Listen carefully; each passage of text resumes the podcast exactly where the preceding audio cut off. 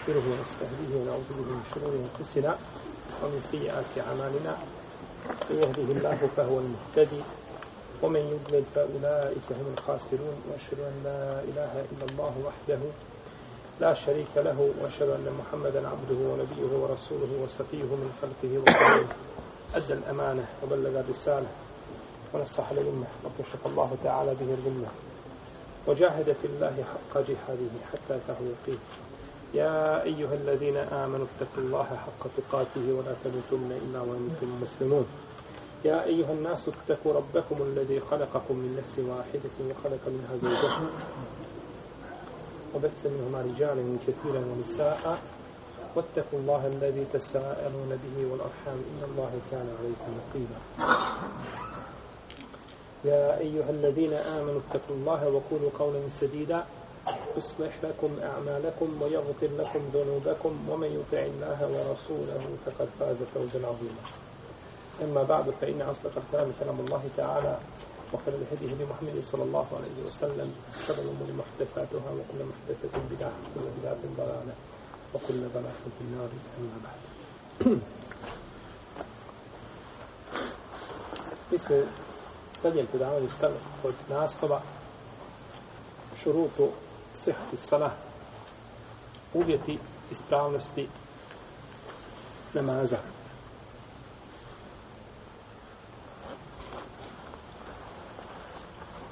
Kazali smo da je šart stvar koja nije direktno vezana, odnosno bolje kazati, nije sastavni dio dotičnog djela. Kao što je abdest za namaz, to je šart. Pa je li abdest sastavni dio namaza ili abdest elementarni dio namaza? Nije. Tako bivaju ju šartovi. Tako bivaju ju šartovi. Pa kada imamo ispunjen šart, ne mora značiti da mora biti ispunjeno ono zašto je uvjetovan taj šart. Jel jasno? Ako smo ispunili šart, to ne mora značiti ili uvjet da mora biti ispunjeno ono što je uvjetovano za dotično djelo. Na primjer, čovjek se abdesti. Mora li znači da mora klanjati? Ne mora. Čovjek pokrije stidno mjesto. Mora znači da mora klanjati? Ne mora. Dakle, šart, čovjek ima i metak. Mora li znači da mora ići na hađ? Ne mora. Možda nisu neki drugi šartovi ispunjeni i tako dalje.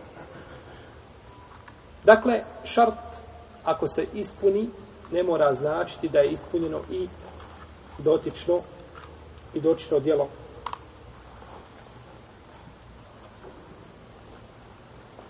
Islamski učenjaci kada govore o uvjetima za namaz spominju nekoliko uvjeta. Prvo kažu el ilmu biduhuli vakti salat. Da je čovjek ubijeđen da je nastupilo namasko vrijeme. Znači da je ušlo namasko vrijeme. I uzvišen je Allah tabara koji ta'ala kaže inna salate kjanet ala mu'minine kitaben naukuta. Namaz je vjernicima u određena vremena propisan. U određena vremena. Znači ima vrijeme kada ulazi namaz i kada počinje i ima vrijeme kada završava.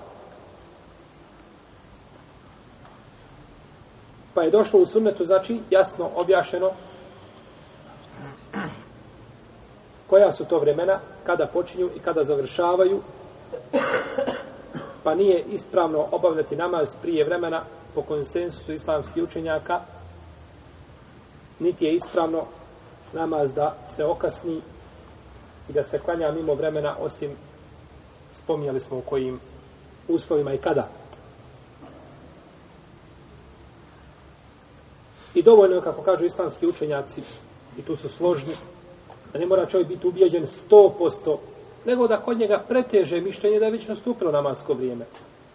To je nekada bilo, znači danas je to puno lakše odrediti zato što imamo, znači, sahat, možemo znati kada počinje namanska vremena, kada se završavaju i tako dalje, pa je to puno lakše odrediti, znači, nego što je bilo nekada da se odredi, na primjer, kako je bilo odrediti nekada pola noći čime odrediti pola noći, dok je vrijeme jacije namaza, po jednom mišljenju. Kako ga odrediti? Položaj, ali to je određivanje bilo približno. i čtihadom.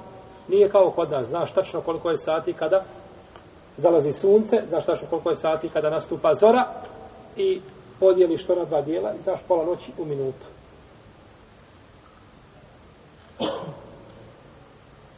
Drugi uvjet je taharet.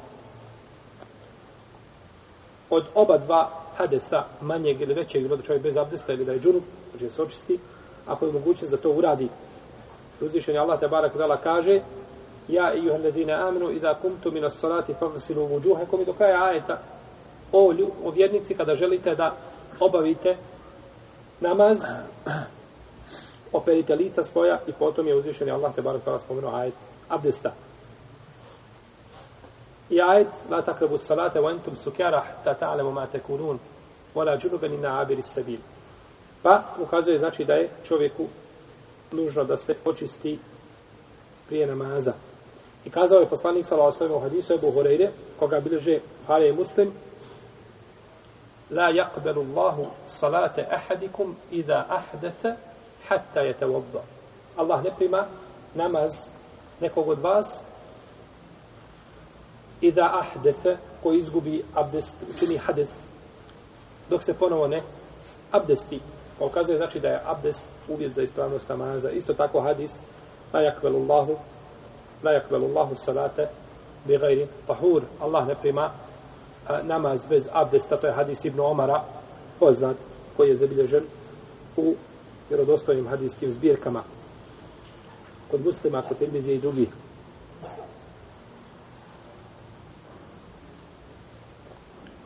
Dakle, nije ispravno obavljati namaz bez tahareta, osim ljudima koji i onako imaju uzor, opravdanje, kao što je čovjek koji ima selesul beul, znači stalni izlazak, nekontrolisani izlazak mokraće, kaže se za imama Malika, rahimahullahu ta'ala, da je pod kraj svoga života a, bio iskušan a, ovim uzorom, jeli za namaz, i žena koja je u stihadi, a, koja je neprestano, znači curi, ima izlev krvi, čovjek koji stalno znači ne može kontrolisati izlazak vjetra i slično tome to sve znači ljudi koji imaju opravdanja ashabul azar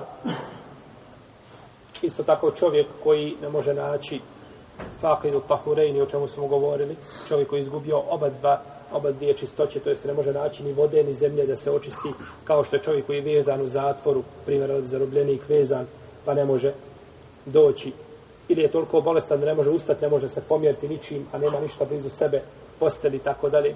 Dakle, to su znači neki slučajevi kada se klanja bez tahareta ili se klanja na način ili u halu u kome se čovjek nalazi.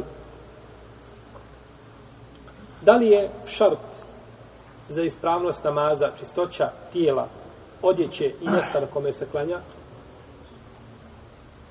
Što se tiče tijela mora se očistiti. Uzvišeni Allah što kaže o thijabeke fatahir i odjeću svoju očisti. Mi govorimo o čistoći čega? Tijela. Allah kaže i očisti svoju odjeću. Kako ovaj ajet može biti dokaz za čistoći tijela?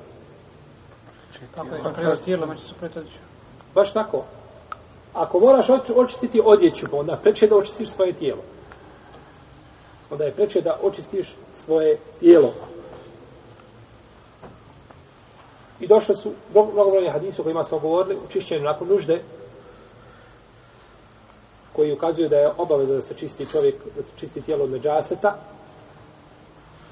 I naredio je poslanik sa osam da se čisti stidno mjesto nakon izlaska mezija, tako, o kome smo govorili, opširno, Tako da su to argumenti koji ukazuju da je obavezno očistiti tijelo od čega? Od neđasti. Obavezno. Kada kažemo obavezno, znači li to i uvjet ispravnosti namaza? Ne, ne znači. Obavezno ne znači uvjet ispravnosti namaza. Znači. Obavezno je obavezno. Ali ne mora znači da je svaki vađib šart. To se razlikuje. To se razlikuje niti da je vađi brukn. Tekbiri koji kad idemo sa rukua, kad se vraćamo sa rukua i kada ima na ruku, taj tekbir Allahu ekber je šta? Vađib. Je li ruk namaza? Nije. Srednji tešehud je kod neke uleme vađib. Kod džumhura je sunnet. Kad bi čovjek ostavio po onima koji iskažu da je vađib, šta uradi? Dvije sehvi sežde. A kad bi ostavio čovjek ruku, može učiniti dvije sehvi sežde? Ne može. Ne može. Znači, ne mora znači da je svaki vađib šta? Niti šart, niti rukn. Može biti vađib, da ne mora biti, ne mora biti, znači, ne mora biti šart, niti mora biti rukn. Jer jasno ovo. Malo kome da je nejasno. Slobodno kažem. Evo je. E, vidi. Znači, mi kažemo da je očistiti odjeću za namaz vađib. Obaveza znači. E, ta obaveza, ako je ne ispunimo, znači li da je ona u isto vrijeme uvjet za ispravnost? Ako je ne bi ispunili, znači da je namaz pokvaren? Kažemo ne znači. Jer može neka stvar biti da je obavezna, ali ako je ostaviš, neće biti pokvareno dotično djelo. Pa smo navili primjer ruk, a, tekbira, kad se prelazi, znači, sa kijama na ruku i sa rukua na kijam i ponovno kad se ide na seždu, reći to Allahu Ekber je šta? Vađi. Ali kada bi to čovjek ostavio, to može da, da čime? Sa dvije sehvi sežde. Dok možeš li ti klanjati bez abdesta, pa to nadomisliti sa dvije sehvi sežde? Ne možeš, zato što je abdest šta? Šart za ispravnost. Ili da ostaviš učenje, učenje fatihije kod džumhura u leme. Ne možeš činiti dvije sehvi sežde, moraš doći čime? Ruknom. Ili da ostaviš početni tekbir. Čime moraš doći? Cijelim namazom. Jer u stvari nisi ušao nikako u namaz. Da ostaviš početni tekbir. I tako dalje. Znači, može neka stvar biti vađib, ali nije u isto vrijeme uvjet za ispravnost namaza. Pa se može nadoknaditi sa dvije sehvi sežda ako se radi o samom namazu, ili ako se radi mimo namaza, onda će čovjek biti šta? Griješan, bravo, ako je to ostavio, ali njegovi bade će biti šta? Ispravno. Jel u redu? To je znači čistoća čega? Tijela. Čistoća odjeće od sijabeke fatahir i i odjeću svoju očisti. I govorio je poslanik sa osam, sjećate se hadisa, kada je govorio onoj ženi kako će očistiti a, žena a, krv mjesečite sa, svog, sa svoje odjeće, pa da postoje vodom, pa da to dobro rastvori, pa da to istrlja, znači ukazuje se na uklanjanje čega? Nečistoće sa, sa odjeće. Kada je poslanik sallallahu alejhi ve sellem klanjao kako je došao kod e, Ebu Davuda u njegovom sunenu sa ispravnim lancem prenosilaca, klanjao jednog dana pa jednostavno je iskočio iz svojih papuča. Pa su svi ashabi u isto vrijeme iskočili iz svojih papuča. Pa kada je završio namaz, pitali su ga Allahom poslaniče zašto se to uradio. Kaže, meni je došao Džibril i obavijestio, obavijestio me da na mojim papučama ima neđaseta. A zašto ste vi to uradili? Vaše papuče su čiste. Kaže Allahom poslaniče, vidjeli smo tebe pa smo i mi tako uradili. Vidjeli smo tebe pa smo i mi tako uradili. Znači, bez imalo razglabanja, bez imalo rasprave, uradili su ono što radio poslanik sallallahu alejhi ve sellem. Pa je nastavio da klanja Ha?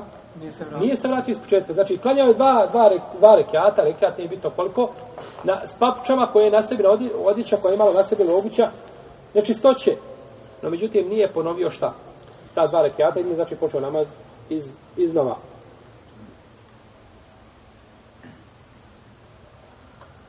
I što se tiče čistoće mjesta na kome se klanja, uzvišenje Allah kaže Wahidna ila Ibrahime o Ismaile en tahira bejtije. Da očistite moju znači kuću, mesečit gdje će ljudi obavljati namaz. I znate da je naredio poslanik sa osanem kada je onaj pustinjak učinio nuždu u džami, naredio je znači da se pospe malo vode. Da se pospe malo vode. Pa se ukazuje znači da to treba šta, da taj dio treba očistiti. I ovo ukazuje braćo koliko je poslanik sa bio milostiv prema ljudima. Došao čovjek u džami, obavio fiziološku potrebu, vrijeme poslanika za osanem. Kada obavi, dolazi objava, kada su ashabi, kada je ilm i znanje, kada vlada, nije ga ukorio. Kaže, pustite ga, saspite na to posudu vode i nakon toga šta? Završeno. Došlo u hadisu jednom da je naredio da se kopa kod Ebu Davuda, no međutim, ti hadisu nisu vjerodostojni. Da se iskopa ta zemlja. Čak se navodi u predaji kod Tabaranije da je držao Hasana jednog dana, pa da je Hasan počeo da mokri na njegovu odjeću. Pa su ljudi skočili da kaže, puste ga, kaže, neka završi. Puste ga, kaže, neka završi.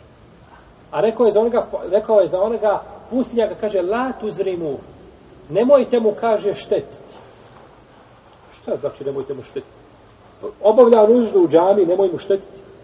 Nemoj ga istući dobro, tako? Kaže, nemojte mu štetiti. I danas je nauka potvrdila i otkrila da čovjek kada počne obavljati potrebu fiziološku i da ga neko prekine, prestraši ga da ga prekine, to mu šteti njegovom, može mu ovaj, izazvati ra, raznih problema i bolesti i tako dalje. Pa kaže, nemojte mu štetiti. Pa su ga pustili da završi, pa je to poslanik sa osvrme očistio. Pa ukazuje šta da je mjesto na kome se klanja obaveza da bude čisto i dokaz šta? Da se sušenjem Znači, nečistoće ne biva nečistoća čista. Jedan, jed, jedni islamski učenjaci kažu nečistoća kada se osuši, to više mjesto nije nečisto. To više mjesto nije nečisto. A ispravno je da je to i dalje nečisto, pa je zato poslanik sa osrme naredio da se saspe osuda vode na to mjesto.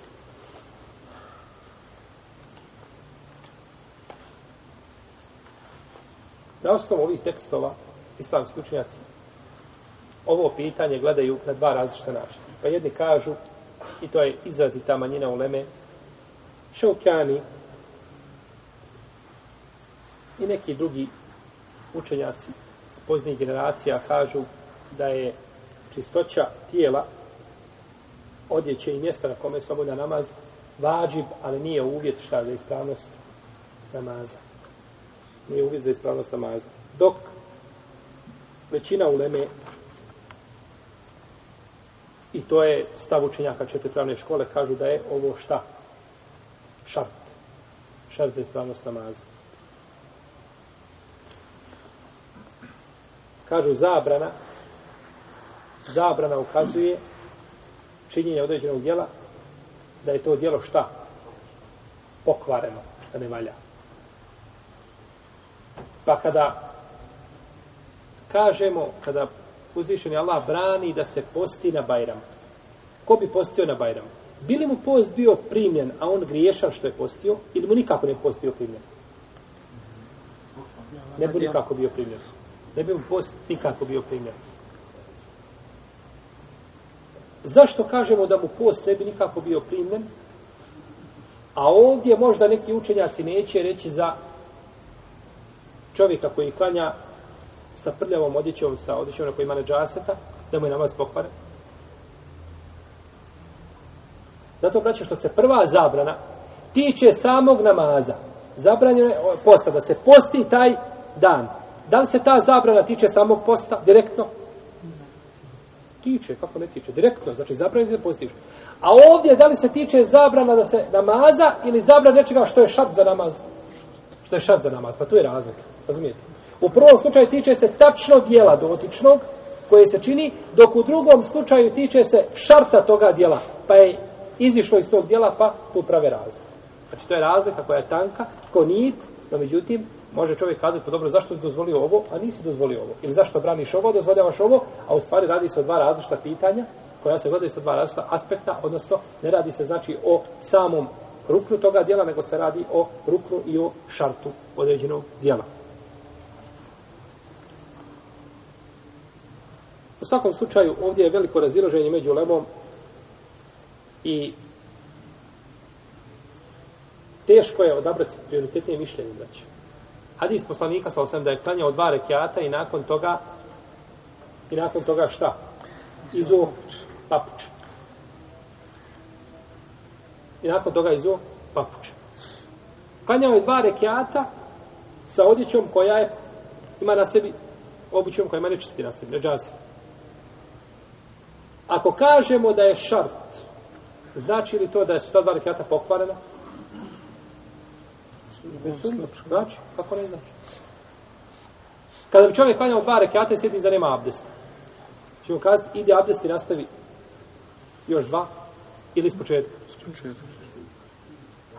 Tako da je mišljenje da je da je šart, znači, prihvatalo bi dijalog i raspravu i jeli, argumente i tako dalje. U svakom slučaju, mi ćemo se ovdje zaustaviti pa ćemo kazati čistoća, odjeća, odjeće tijela i mjesta na kome se klanja je vađib, po mišljenju sve uleme, i ne treba čovjek, ne treba čovjek da ostavlja taj vađib. Ne treba čovjek da ostavlja taj vađib. I nije lahko vratiti i odgovoriti mama četiri pravne škole. Nije lahko. Znaš ako nema iz prvih generacija neko ko je kazao ovako mišljenje da zastupa, stoga je netriče, znači da se drži čovjek toga mišljenja, pa možda i ako nije 100% ubijeđen shodno argumentima, poput, recimo, uzimanja mushafa za ženu koja je u hajzu, nema isto tako jasnog, potpuno hadisa i vjerodostojnog, ili ulazak u džamiju, slično tome, no, međutim, izrazi ta većina uleme te stvari brane, pa onda, znači, sljedeći, e, ta mišljenja i štihade islamskih učenjaka koji svakako vjeru razumijenu bolje od nas, držimo se toga. Pa ponekad kada čovjek nema potpuno jasnog argumenta, nema potpuno jasnog argumenta, ali imaju oni koji su bili bolji od njega i koji su bolje razumijeli vjeru, onda se drži toga ihtijafan za svaki slučaj. Za svaki slučaj to je preče i to je... E, ovdje je, znači, braćo ihtijaf, to držanje za preče e, pohvalno. Nije uvijek kako neki smatraju da je žešće mišljenje, da je to uvijek bolje, ispravnije. Nije tačno. Bolje je mišljenje ono koji ima jači argument. No, međutim, ponekad kada se dođe do, ova, do ovakvih argumenata, do ovakvih argumenata, onda je čovjek možda preće da se drži, znači, onoga što je sigurnije. Onoga što je sigurnije. Ko bude klanjao namaz, i nakon namaza primijeti da njegovom tijelu ima nečistoće. Jer na njegovoj odjeći da ima nečistoće. I islamski učenjac po ome pitanje imaju tri mišljenja. Prvi kažu namaz mu je pokvaren i mora ponoviti svoj namaz dok se nalazi u vaktu. I ovo je mezheb Rebije i Malika i Al-Hasana, Al-Basrija. Drugo mišljenje je da mu je namaz pokvaren, da mu je namaz pokvaren i da mora obnoviti taj namaz, iako isteklo namasko vrijeme. Iako isteklo namasko vrijeme. I ovo mišljenje mama Šafije i Rivajete od Ahmeda i kažu, budući da je to šart, pa ako ga ostavi, onda mora ponoviti znači, namaz. I treće je da mu je namaz ispravan i ne mora ga ponavljati, to je mišljenje Ibn Omara, pa Ibn Musejiba, Mujahida, Ibn Seura, Ishaqa, Šabija, Ibrahima Nehaja, Lauzaja i jedan rivajet od imama Ahmeda i od šafijskih pravnika od dobroga Ibn Munzir. I oni dokazuju to argumentima Rabbena la tu'ahizna in nesina evo ahta'na. Gospodo naš, nemoj nas kažnjavati za ono što zaboravimo ili nehotice učinimo. I došlo u vjerodostojnom hadisu da je poslanik sallallahu sallam rekao kad fealtu, neću neću još kažnjavati za to. Tako došlo kod muslima u sahiju. I isto tako hadis da je poslanik sallallahu sallam klanjao dva rekata? Sa papučama koje su imale na sebi nečistoće. Pa nije ponavljao taj namaz.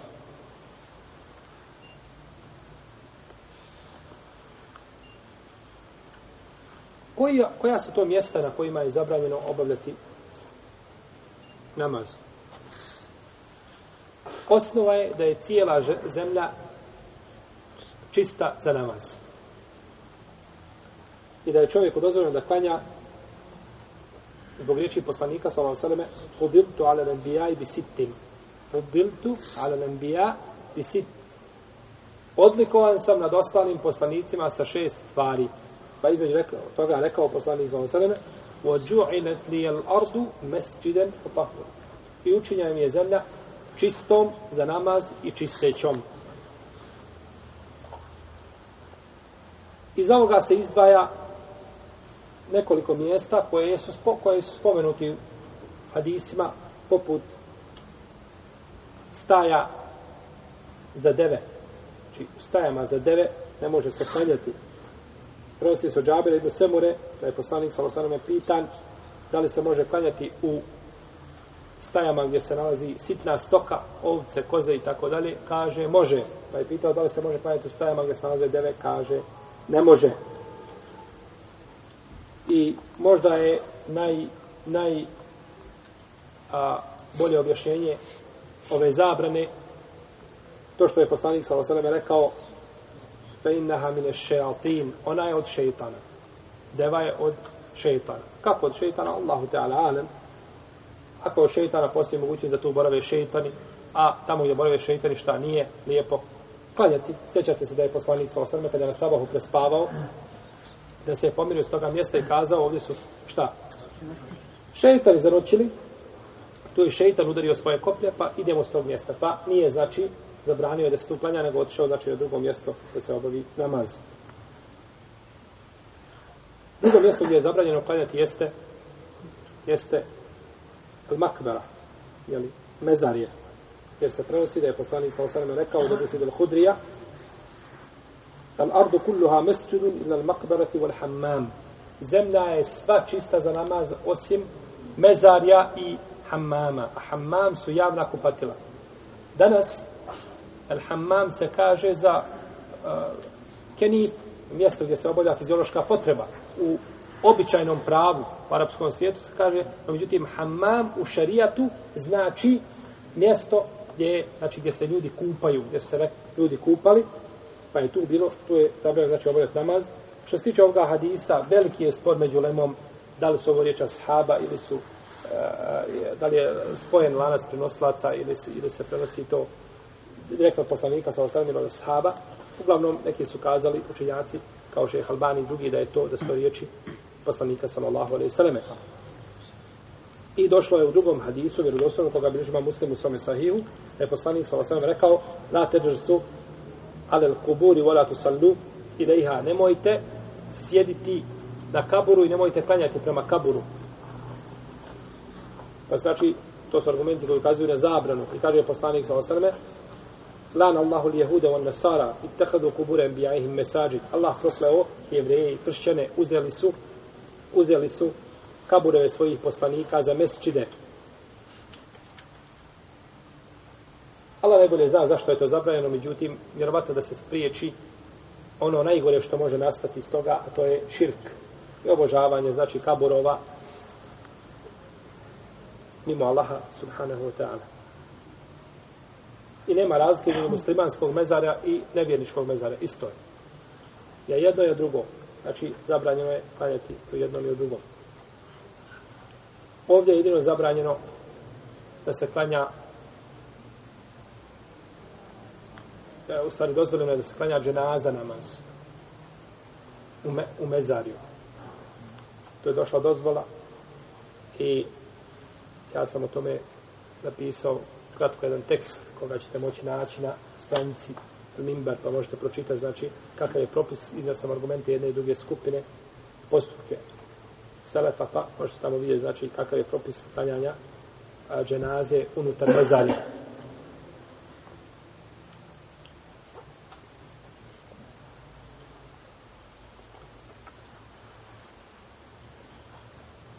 Al-Hammam, znači mjesto gdje se ljudi kupaju, na osnovu prethodnog hadisa, Isto tako je zabranjeno da se obavlja fiziološka pot, da se obavlja namaz u mjestu gdje se obavlja mala i velika fiziološka potreba. Jer je poslanik sa osam rekao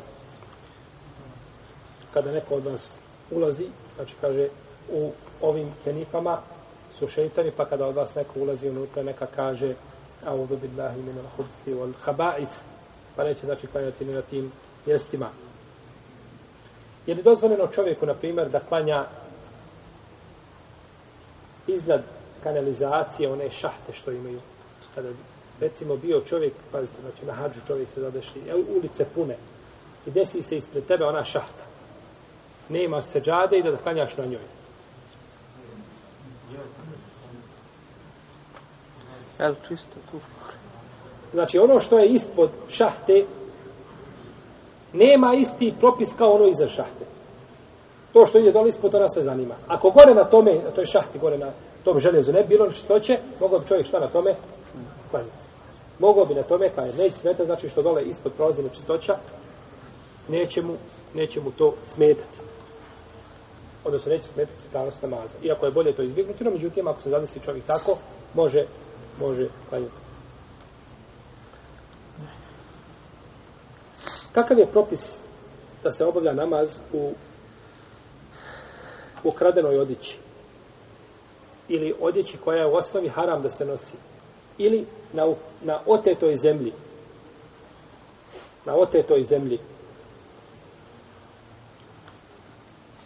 Da čovjek ukrade nečiji kaput i kvalja u tome kaputu. Ili čovjek obuče svilenu košulju i klanja u njoj. Ili čovjek dođe i istjera muslimana sa njegove zemlje, otjera ga i uzme svu njegovu zemlju i dođe i klanja na toj zemlji. Je li mu namaz ispravan?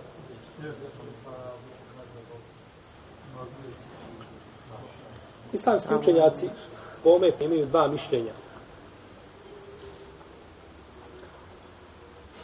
Prvo, la tesihu salah, da nije namaz ispravan. A namaz nije ispravan. To je mišljenje mama Ahmeda ibn Hazma i odabro ga šehu Islam ibn Tejmije. Samo da znate da se kazalo su proto mišljenje ibn Tejmije. Tako da sad mislite kako ćete odgovarati na ovu postavu. Drugo je, i to dokazuje, i to dokazuje, dokazuje to braću hadisom Ibn Omara, slušajte hadis. Ko kupi odjeću za 10 dirhema, a u tome jednom dirhemu ima dirhem harama, neće mu Allah primiti namaz dok je god u toj odjeći. Ha? Allah neće primiti namaz dok je u toj odjeći. Imam hadis bilazi, imam Ahmed u svome musledu sa slabim lancem prenosilaca. Ja sam li slab, ja. Hadis je daiv. Ja sam li slab.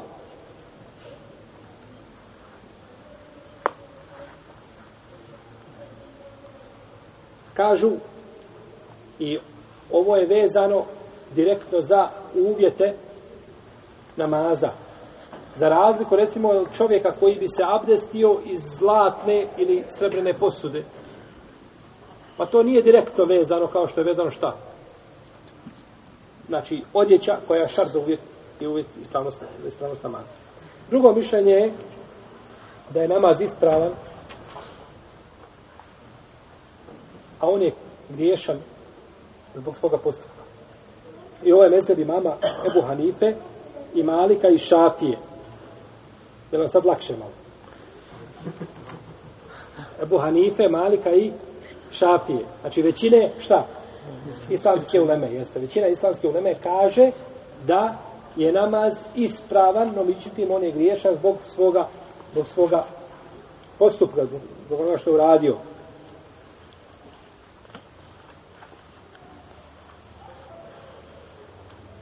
Pa je čovjeku, znači, zabranjeno bilo da uzme to od vlasnika ili da obuče ono što je zabranjeno, primjer da čovjek klanja, a ima zlatni prsten na ruci.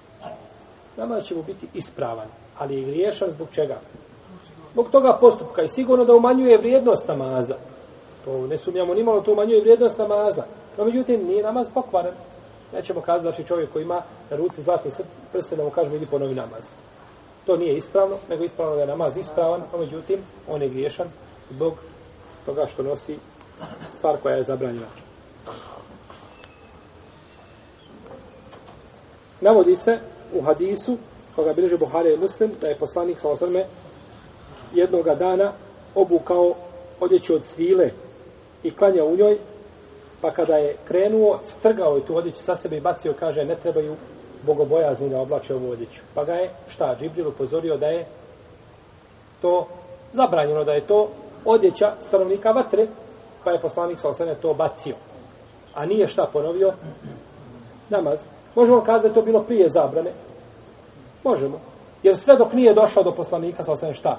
Zabrana smatra se da je to prije zabrane.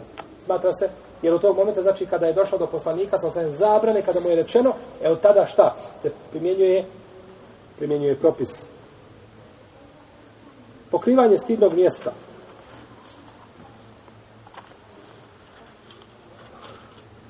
Slože su islamski učenjaci osim iznimnih mišljenja koja ne treba posebno ni spominjati pojedini islamski učenjaka koji iskazali da nije da je pokrivanje stidnog mjesta uvjet za ispravnost namaza, a to je čovjek mogućnost da ga pokrije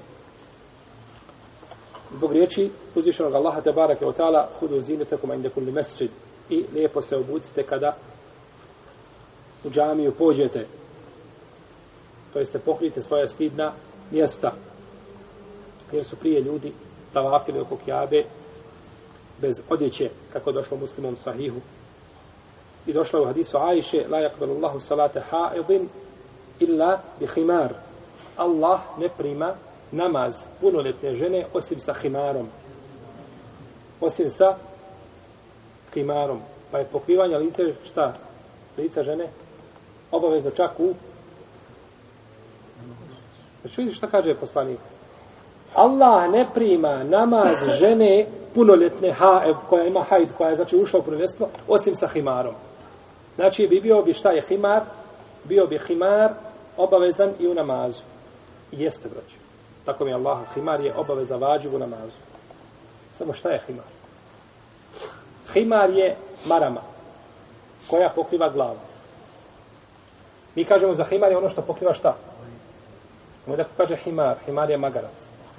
Nego treba reći himar. Himar je marama koja pokriva glavu i kosu, sve osim lica. To se zove himar. A ovo što pokriva lice, to je nikad. To je nikad. Pa kaže u ome hadisu poslanicu Allahome, ne prima Allah namaz punoljetne žene osim sa maramom na glavi. Jel u redu? Znači, osim sa maramom. A ono što pokriva lice je nikab, to je nikab. No, međutim, oko ovoga hadisa postoje raziloženje, šeha Albani ga smatra dobrim, mnogi su učenjaci prigovorili o ome hadisu.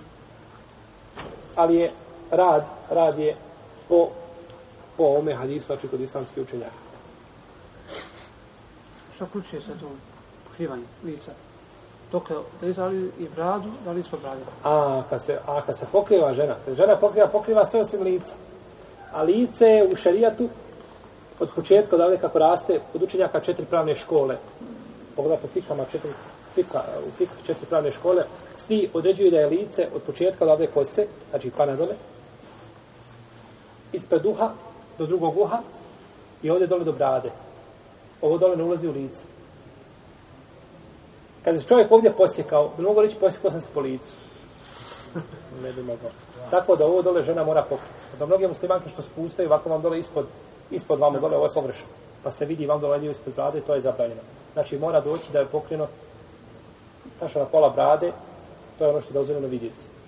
I to drugo ne pripada licu, da se ne smije otkrivati. Ako kažemo da je lice šta? Dozvoljeno u ostavi. Ako kažemo, po tome mišljenje opet, znači brada ne ulazi u to. A da ne govorimo, znači, a, mišljenje islamskih učenjaka koji ima ovaj jače argumente koji kažu da je obaveza ženi da pokrije cijelo svoje tijelo pa čak i lice.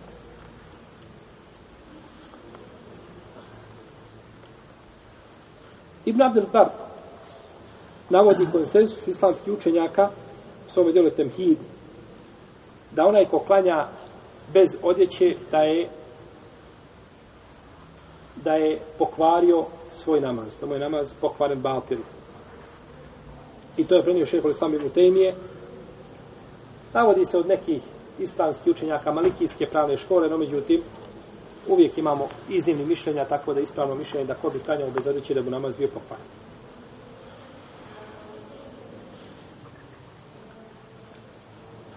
I klanjanje, znači, sa odjećom je od ta'zimullahi azza wa jal od poštovanja ili veličanja uzvišenog Allaha te bar da čovjek ne staje znači pred njega osim u najpotpunijem izgledu.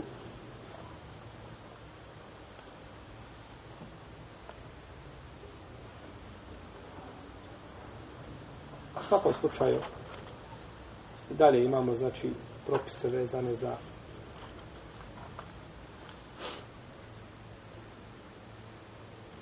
vezano za pokrivanje znači tijela u namazu i neke stvari vezane za ženu. No, budući da to ne možemo završiti, znači prije okretanja prema kibli, šala tela nastavit ćemo u našem narednom predavanju, a sad ćemo ostaviti nešto vremena za pitanje odgovore, pošto nismo zadnja dva predavanja imali prilike za to. Allah ta'ala.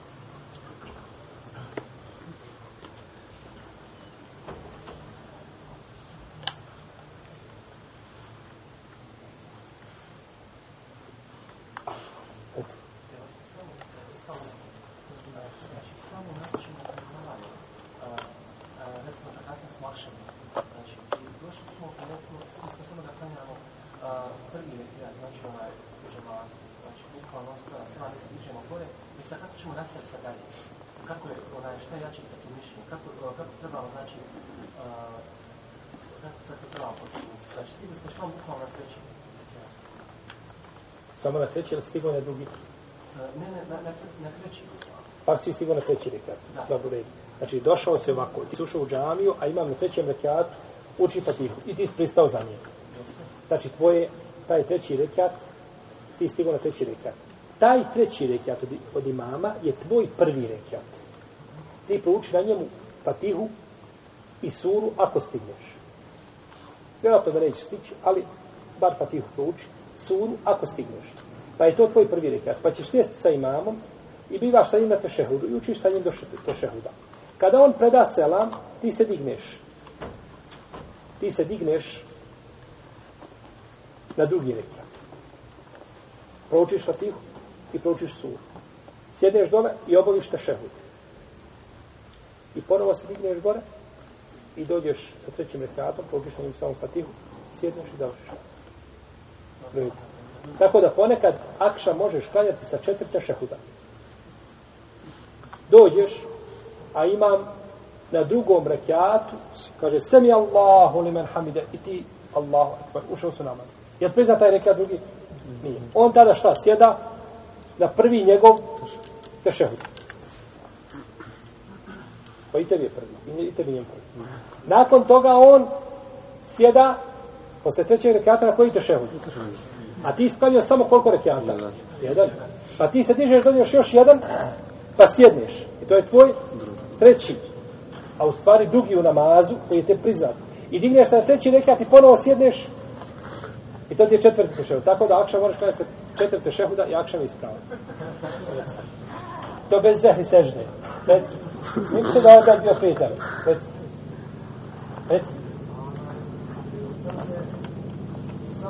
petar. Rec. Rec.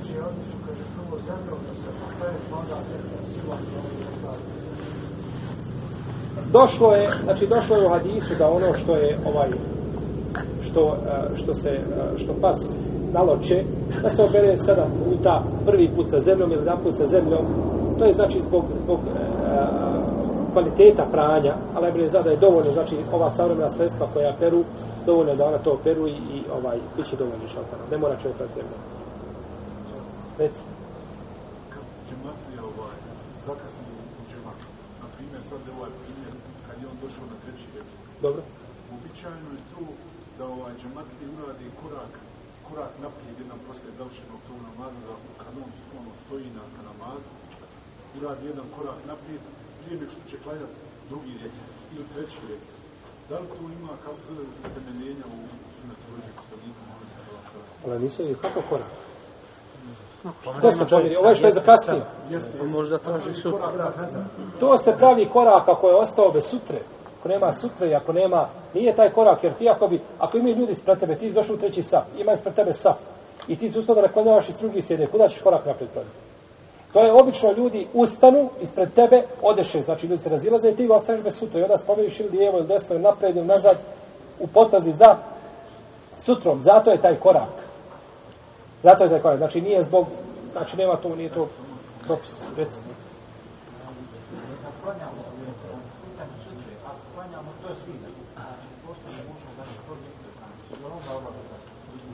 I dobavljamo za šta?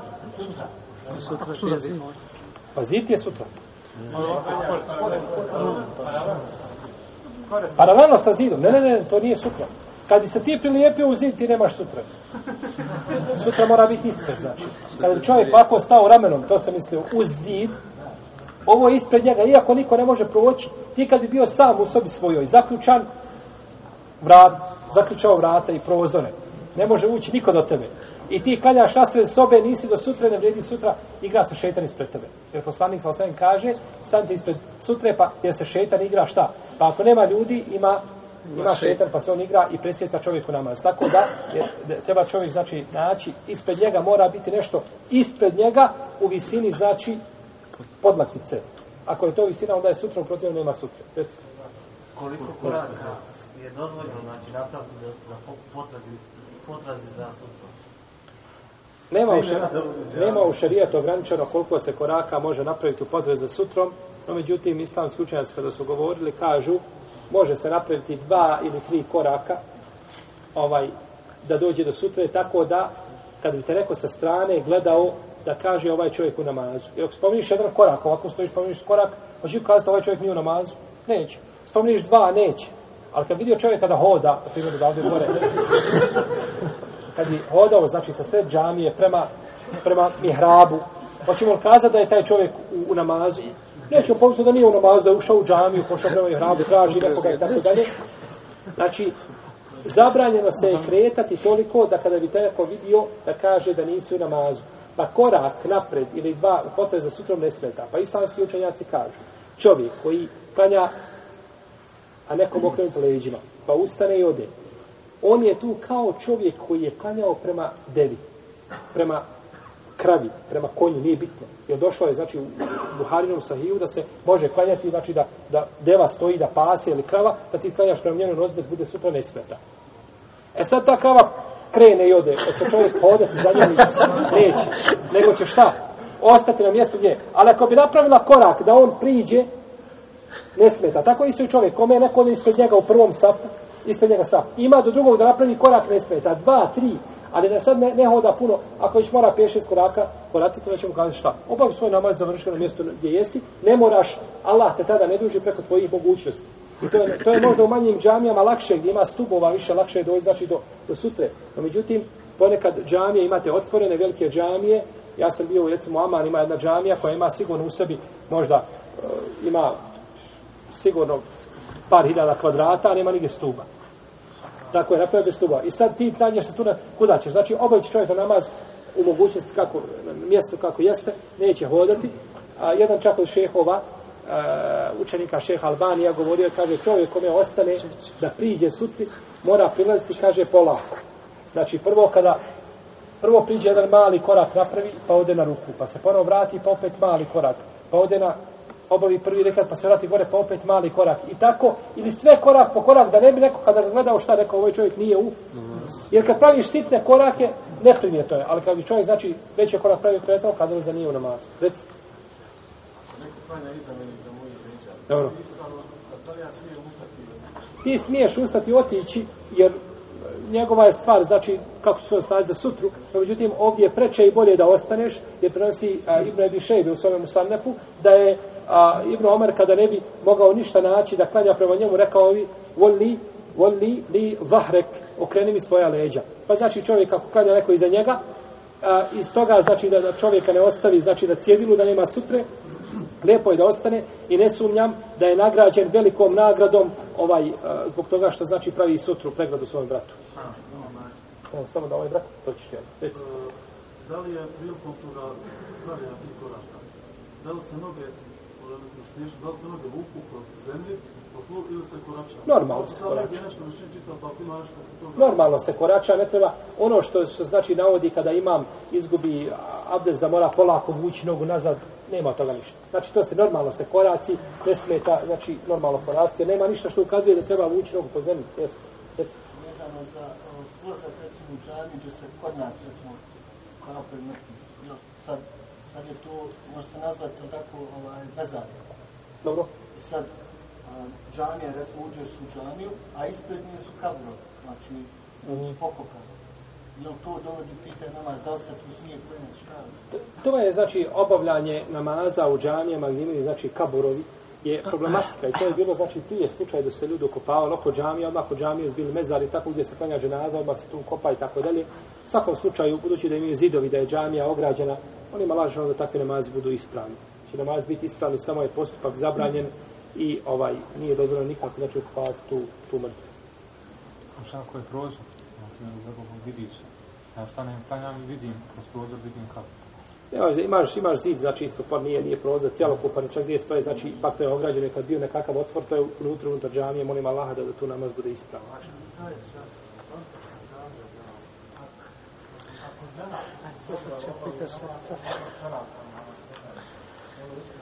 Ako obavi namaz da nema čarapa na nogama, Jeste ispravna mazala koja je ona odjeća u kojoj klanja, ako pokriva, ako pokriva noge, ako pokriva stopala. Znači tako da je ženama dobro da imaju odjeću koju samo obuče na sebe.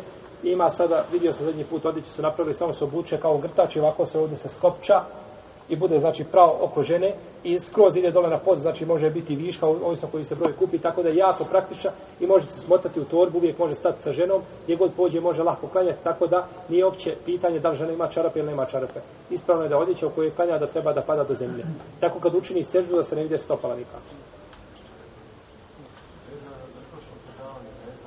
Stajanje prilikom mezana. Da li ima nešto što kao da lijeva ono noga treba ispred desne ruka? ili desna ispred lijeve. Pa nema ništa u sunetu, ali to neki kažu čak i u namazu, kažu desna ispred lijeve zato što se prvom ulaziti desnom u džennetit. No, međutim, ništa osnove nema. Osnova je da se stoji, znači da su noge paralelne postavljene, okrenute prema kibli, onako kako smo govorili, znači da se ne okreću ni lijevo ni desno, a isturivanje jedne noge nema nikakve osnove ovaj u šerijatu. Čak ima Malik je u namazu tervih, kako spominje a, u kako spominje u dijelu El Bejanu o Tahsil i kako spominjem u svojim petvama, da ima Malik smatrao da je odmaranje u namazu, da malo jedna jednu nogu odmoriš pa na drugu, da je to bidat.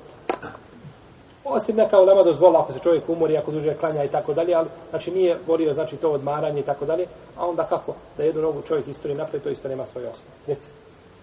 Znači, a šta je recimo to ove džamije kad je džuma, Bajram namaz, Lampašina, Begova džamija, šta ja znam, i ove mahalske džamije gdje ima kaburova, džamije, mi smo izlašli mi zidova.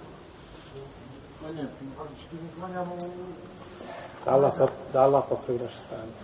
Stanja naših džamija i stanja muslimana u svijetu.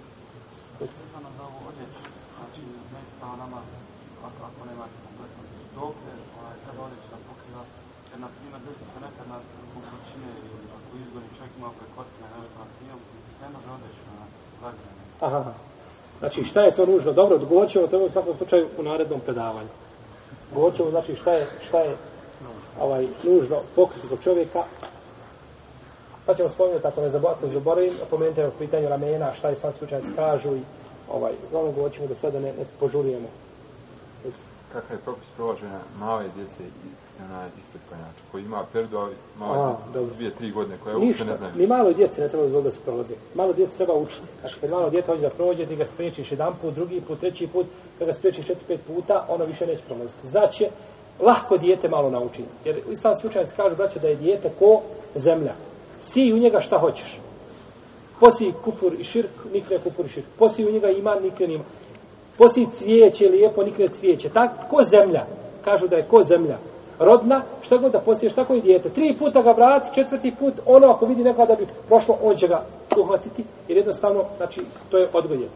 I s jedne strane, i s druge strane, navodi se kod Ibnu Huzeyme u njegovom sahihu da je poslanik sa osam neklanio prema zidu jednog dana, pa je htjela ovca da prođe između njega i zida, pa je priljubio svoj stomak ka tome zidu, pa je ovca prošla iz njegovih leđa, pa se on ponovno vratio nazad.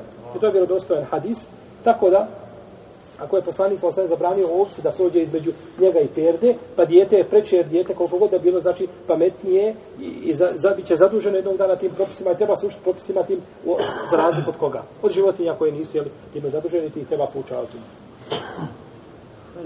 Nije polazak ovo više puta, znači rukom. Ako ti prođe da uzme nešto, da li ona je Nije. stvar. Da neko uzme rukom ispred tebe stvari da prenese, nije prolazak, ali jeste ometanje klanjača. A treba ga spriječiti.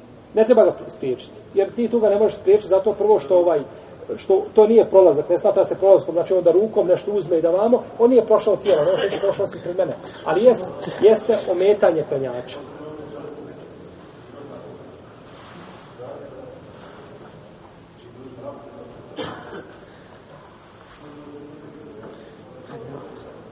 A kolika je razdalja između klanjača i sutrinača, koliko se smije najbolje? Između Kad, kad se klanjača, ode na seždu, recimo, mora... između klanjača i sutre treba biti tri podlaktice, trebaju biti. Tri podlaktice. Podlaktica, je ispruženi prst ili... Ispruženi prst. Podlaktica je u šarijatu od vrha ovoga prsta srednjeg do, do. To je podlaktica. Takve tri podlace kad stojiš u namazu, i tebe i sutre, tri, mi smo riješili prvi pitanje, sutre braću prije što smo došli do nje. Sad jedno pogledaj tu, rekao. Znači, čovjeka stoji u namazu, kako je došlo u hadisu Ibnu Omara, da čovjek treba biti između podlaktice, između, između sutra i, i njega, treba biti koliko? Tri podlaktice. I kad čini seđdu, učini seđdu i ostane između njega i sutre koliko? Jedna podlaktica. A on na dvije podlaktice čini šta? Seždu. Pa kad vidite nekoga da se isteže, kad čini seždu, to je šta? Ste vidjeli da kad čini seždu, istegne se napred, ode između svi ugore gore napred. To je pogrešno. Kaži mu, haj ostani 15 minuta na seždu. Neće moći više leđa ispred. Jer to je, to je neprirodan stav. Zato kaže poslanik sa osame, i'tedilu fi suđud, u hadisku koga bliže Buharija, budite umjereni u seždi. Budite umjereni. Učini seždu normalno, lijepo, tako da možeš ostati seždu kogod da ostaneš, nećeš se umoriti. A tako mi stezanjem, jer tada si sav, znači svo tijelo znači, pada na ramena i, i, na, i na glavu i ne možeš čovjek to izdržati. Tako da je znači ispravno da da ovaj uh, sežda se čini uh, uh, na dvije podlakce, a jedna ostane slobodna između čovjeka i pregrade. Reci. Rekao sam. Ako čovjek e, kada sa zadnje sažde podigne glavu, znači u namazu preselam je li mu upotpunje namaz? Kada sadnje sežde sad Ja, digne, zadnja, zadnja sežda, znači namazu. Pres- Da, preselam je mu upotpunje namaz. nije upotpunjen. A ima predaj od Tebranija da e, naša zemlja predaj gdje e, kaže Allah poslanik Muhammed sallallahu alejhi ve sellem, znači sa zadnjom seždom da To hadi to hanefijski pravnici uzme kao argument. Kada hanefijski pravnik, a to kad završiš, čak kad bi čovjek sjedio i znači kad na tome sjedenju pustio vjetar, bio bi namaz potpuno. Sad bi da prekine namaz, bilo čime. Ali ispravno, Ako, ako na primjer, ovaj, recimo, dajem dva raketa uh, dobrovoljnog namaza i uči i kamer. I sad, da bi stigao čovjek na namazu, rečemo, ovaj, Misli da- kazu, dadne selam, da li mu je ta dva raketa? Da ne uči. ako je požurio, znači da stigne na farz, da im ostaje farz, on ima nagradu ako Bog da ono što je klanjao. I ne sumnjam da će mu Allah dati nagradu po njegovom nijetu da bi završio ako je mogao i tako dalje, ali mu je bolje da preselami. I znači ono što je preselamio, neće mu to biti pokvareno. Jer Čovjek klanjao jedan rekiat i da je preselamio zbog farza. Allah mu neće taj jedan rekiat upisati, neće mu taj ovaj, o, oba dva rekiata da mu odbije, nego će mu upisati šta?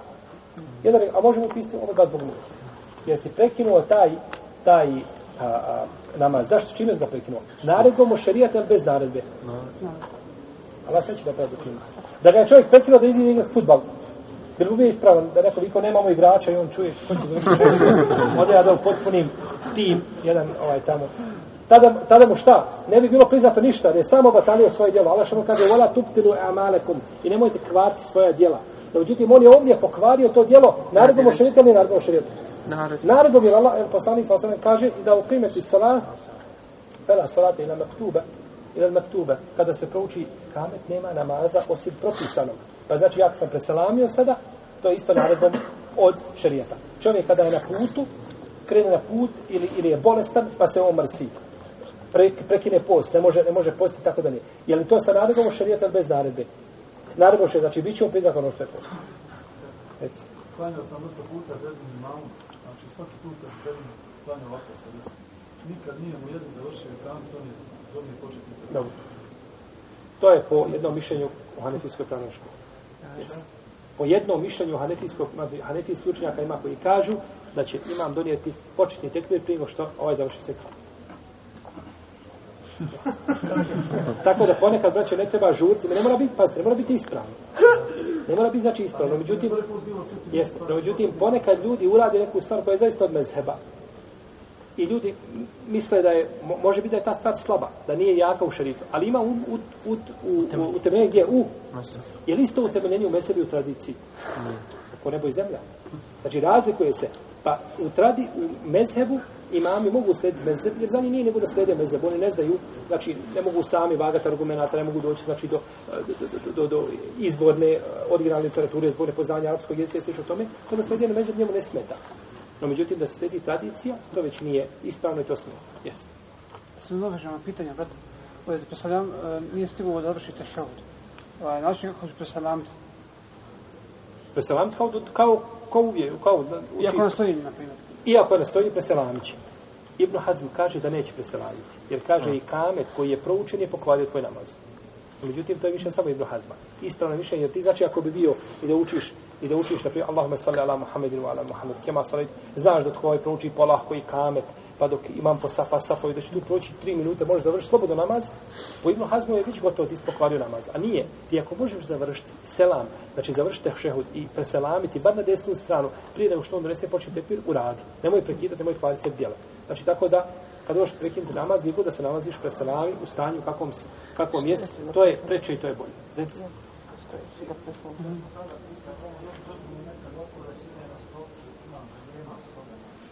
Možeš ja kako god ti je lakše slobodno sjedi, te Allah olakša da ti izliječi inša. Kremek Allah. E, ima, znači, e, sam čito dva rasta mišljenja vezano za prekidanje namaza. Sad ovaj buni koje je ispravnije. Jedno je znači da se mora preselamiti kad se prekine namaz kod puštanja primjer vjetra, a drugo je da se ne mora, da se jednostavno mora prekinuti namaz. Puštanjem vjetra nemaš potrebe preselamljivati. Jer je puštanje vjetra pokvarilo namaz. Jer selam pokvario namaz? Neće reći pokvario. Jel ga završio selam? Jer puštanje vjetra završilo taj namaz? Jeste. Bio potpuno, nije bitno ovdje. Potpuno je potpunio ga. Znači, dok, pa je znači ovo razlika. Čovjek, znači, kad uradi nešto što kvari odnosi njegov, a on je pokvarilo odmah i namaz. Tako da nema potrebe više pred... Jer ti kad preselamio, dok kad preselamiš, jesi li ti u namazu sada? Jesi li pod abdestom? Bez abdesta ne možeš šta biti tu namaz. Ti znači sad preselamio na, na prazno, onako je nisi šta više u... No. Za razliku toga kad imam počeo učiti kamet, kazali smo da je ispravno mišljenje da to šta ne kvari? Namaz. Ste sa mnom rađu? da to ne kvari šta namaz, nego kod koga? Kod Ibnu? Pa ja sam lijepo rekao da je ispravno šta da ne kvari, namaz. pa ako čovjek može da stigne prije počne tekvira da ga dovrši, dovršit će ga. Pa je tu razlika između šta? Dvije stvari, jesu. Recimo. Ništa ne. Da li ispravno, znači, fat namaz, se obavi bez kameta, u džematu? Ispravan je namaz, a po većini uleme ostavljen je pritvrđeni sunnet, a po jednom dijelu učenjaka ostavljen je vađib. Tako da bi znači ispravno je mišljenje da bi ljudi bili griješni ako to ostave. Namjerno koga, da zaborave ne smeta. Znači imam posafo sve, mu jezim nije proučio, Allahu ekber i svi zanijetili i kada nema ništa toga smetje, namaz je ispravan. Međutim, ako ga namjerno ostave, to je već problematičnije. Ali namaz je ispravan. A čovjek ne ode u taj, od toga što nisu proučili kamet, je on grešan? Nije otišao da klanja, znači, za njima čekuje drugi žena. Poslije nakon svi on kasno. On je počinio bidat. Taj koji je tako radio počinio je bidat, jer nema razloga da pustaš ti tvoje nisti odgovoran za. Za ikamet je odgovoran mu jezin i odgovoran je imam. Znači, i da imamo znak se uči šta? I kamet. I nisu svoji odgovorni. Ako su namjerno propustili, oni su odgovorni. Kako kaže poslanica Ozir, ako budu klanjali kako treba, pa vama i njima. A ako budu loši, onda samo protiv njih, a opet vama. Znači ti su u svakom slučaju ovdje, šta? Nagrađeni tvoji da priđeš i da klanjaš u takvom džematu. Pa nećemo, znači, ostaviti. Još tamo što ako znamo da je većina u nema rekla da je, da je kamet sunnet. Ja.